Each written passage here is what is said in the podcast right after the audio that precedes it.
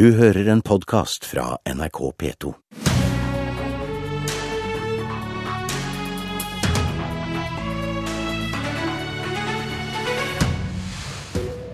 «2014 har for mange vært politisk spennende, for mange andre politisk kjedelig. Det har ikke vært valgår, men 2015, nytt lokalvalg. Vi skal se inn i krystallkulen. Riktig god morgen. Velkommen til Politisk kvarter, hvor vi altså skal prøve å se litt fremover, rettere sagt neste års lokalvalg. Vi skal se nærmere på byene Bergen, Trondheim og Tromsø. To som styres av de blå, og én som styres av de røde, med innslag av Kristelig Folkeparti. Og vi begynner der, vi, i Trondheim. Anders Todal Jensen, valgforsker, velkommen. Takk for det. Ja, Trondheim, mange vil hevde det er eh, drømmekommunen til eh, både tidligere statsminister Jens Stoltenberg og nåværende partileder Jonas Gahr Støre. Arbeiderpartiet har fått til et samarbeid med Kristelig Folkeparti. Har det vært vellykket?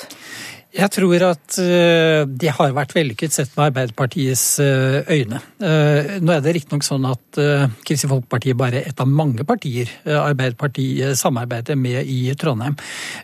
Men symboleffekten av dette her er jo åpenbart viktig. Vi skal huske på at Trondheim var kommunen der det rød-grønne samarbeidet i sin tid ble etablert, lenge før det kom i Stortinget.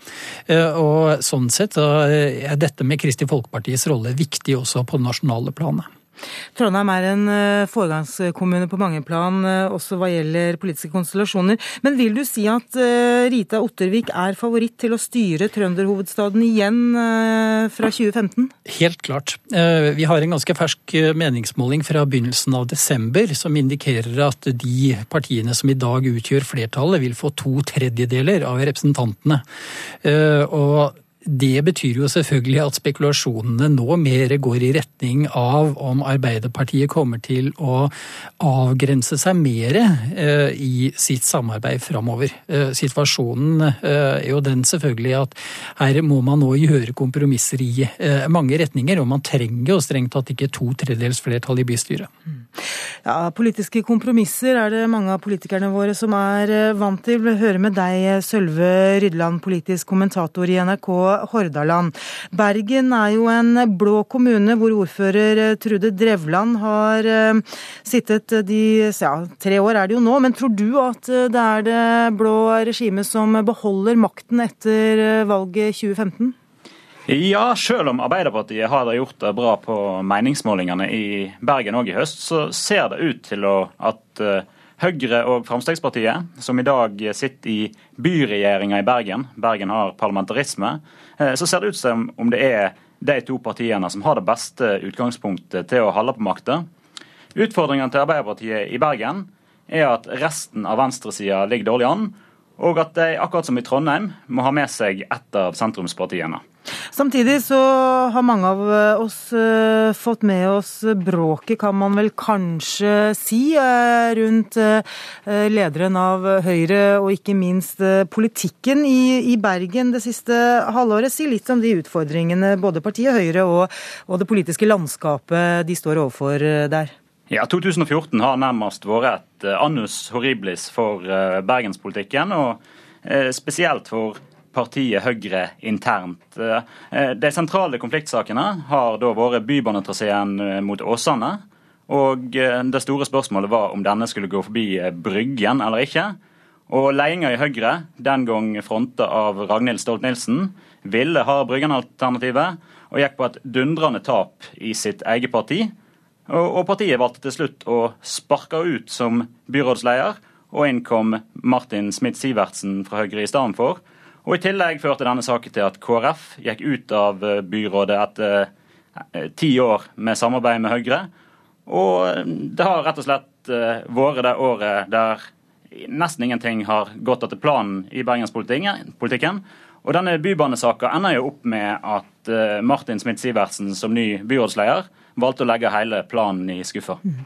Skal straks til Tromsø. Bare høre med deg, Rydland, før vi går videre.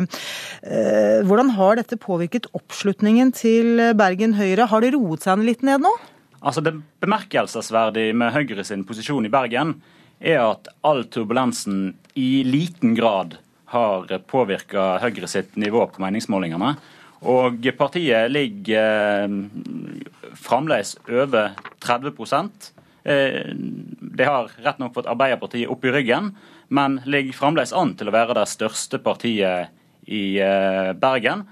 Og da skal en òg huske på at eh, valgresultatet i 2011, som de nesten fremdeles er oppe i, var det sterkeste valgresultatet for Høyre i Bergen på over 30 år. Mm. Lasse Jangås, samfunnsredaktør i avisen Nordlys. I Tromsø så sitter Høyre, Frp og Venstre med makten i dag. Er det en trio, tror du, som fortsetter etter valget?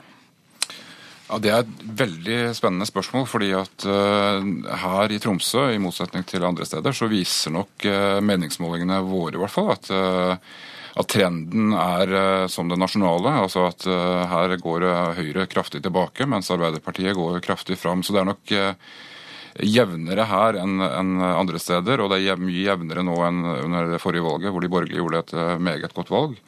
Men nå har altså de borgerlige her relativt dårlig, et dårlig politisk regnskap å vise til. og og Det er som sagt jevnt, men, men det, det, er kanskje to X-faktorer her som kommer til å spille sterkt inn. Det ene er at vi, vi ser et, en, en, splittelse nå i, i Tromsø Fremskrittsparti. Som eh, vil få, sannsynligvis vil få litt konsekvenser for også i politikken neste år. Men i tillegg så, så, er det spesielt med Tromsø at vi har en ordfører som er svært karismatisk og populær.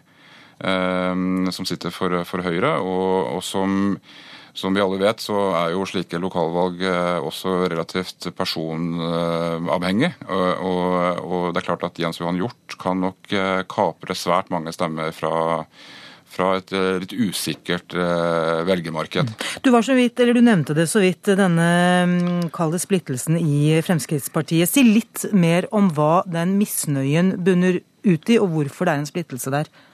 Altså Slik jeg tolker det, så er det altså Du har en fløy i Frp her i byen som, eh, som, er, eh, som for så vidt trives i, i maktvarmen eh, den er inne i. Og som fortsatt kan tenke seg å samarbeide med Høyre. Mens du har en fløy som, som jo er mer misfornøyd da, og, og føler de velger altfor mange kameler, og, og, som da ikke kan tenke seg tenke seg disse forslagene som, som, Høyre har kommet med nå i sitt budsjett for, og sin økonomiplan for de neste årene. Vi skal tilbake til deg, Todal Jensen, i Trondheim. For uh, vi var inne på det i sted. Arbeiderpartiets Rita Ottervik har, uh, har uh, Det er vel vært hennes tredje periode nå som, som ordfører i trønderhovedstaden. Hvilke politiske saker er det vil, som vil prege Trondheim nå de, det neste halvåret, trekvart året? Ja, Rita Ottervik har jo vunnet mye oppslutning på et uh, utbyggingsprogram. Uh, altså Her har vært uh, bygd nye skoler, renovert skoler, sykealdershjem. man har gjort mye for å utvikle byen. man har en linje på fortetting av byen. Byen er jo i rask vekst. Og eh, kommunen har, eh, tror jeg, i det store og hele hatt et ganske godt grep om det. Man kan like eller mislike Arbeiderpartiets program, men eh, de har stått på programmet, og jeg tror de får uttelling på det. Men det finnes selvfølgelig en bakside av denne medaljen, og det er jo den økonomiske situasjonen for kommunen. Opposisjonen er opptatt av at det er store underskudd, og det kan fort bli en viktig sak i valgkampen. Samtidig så var også Lasse Jangås fra Tromsø inne på det. Arbeiderpartiet nasjonalt nyter jo godt av svært gode meningsmålinger. Hvordan tror du det vil prege lokalvalgsåret 2015? Jeg tror det vil slå eh, kraftig inn. Eh, vi ser også i Trondheim at eh, trenden her følger den nasjonale trenden. I øyeblikket så er det ingen veldig skarpe lokale saker som kommer til å påvirke det, og det er heller ingen uhyre karismatiske politikere som kommer til å snu opp ned på det nasjonale bildet.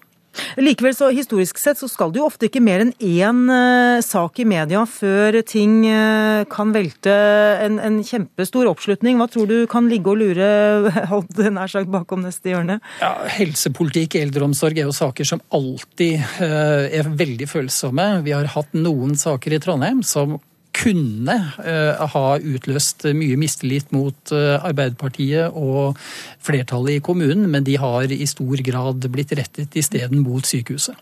Det kan tyde på at velgerne har kort hukommelse, og du var inne på det i sted, Sølve Rydland. Høyre har kommet seg bemerkelsesverdig raskt tilbake igjen etter et svært turbulent år. Hva tror du vil prege de politiske sakene i Bergen frem mot valget? Altså, Siden det inne på det her med persongalleriet, så har det jo skjedd en markant endring i Bergen.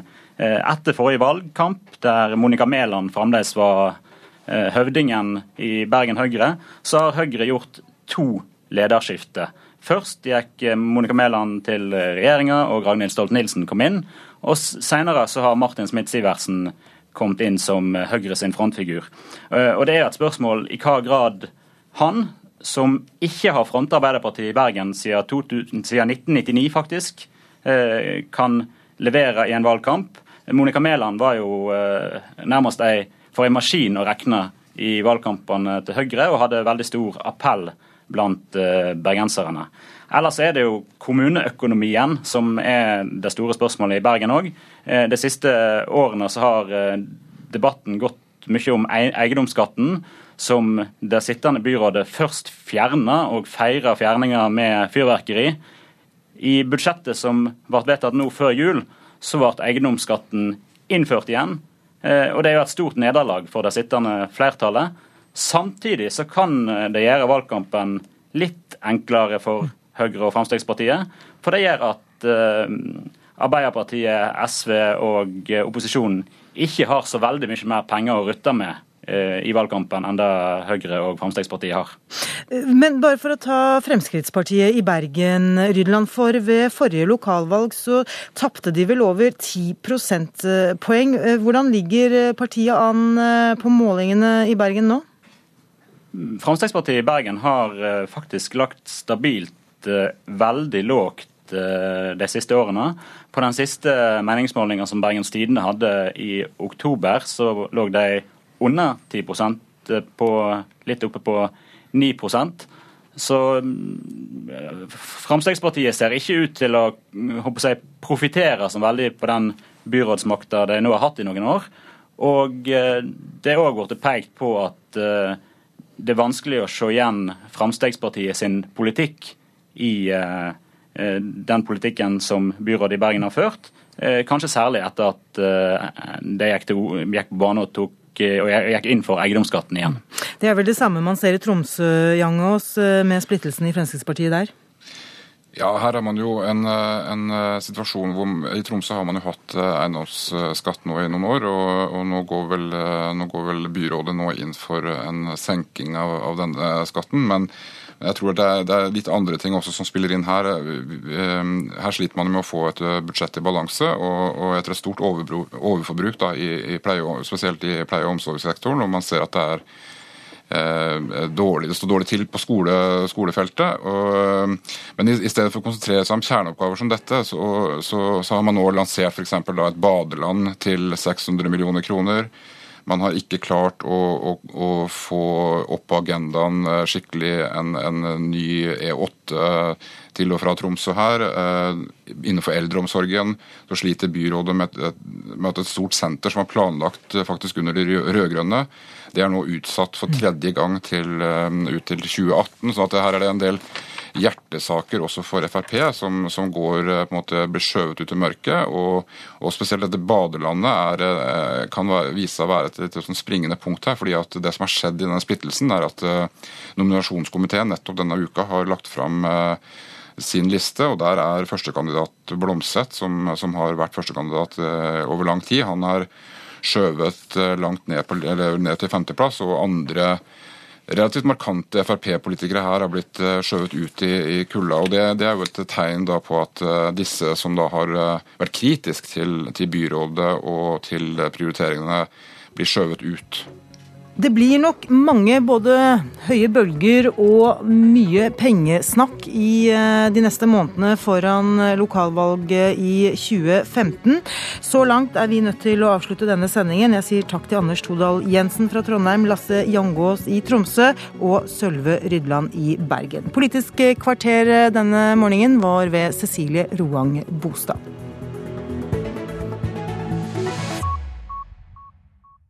Du har hørt en podkast fra NRK P2.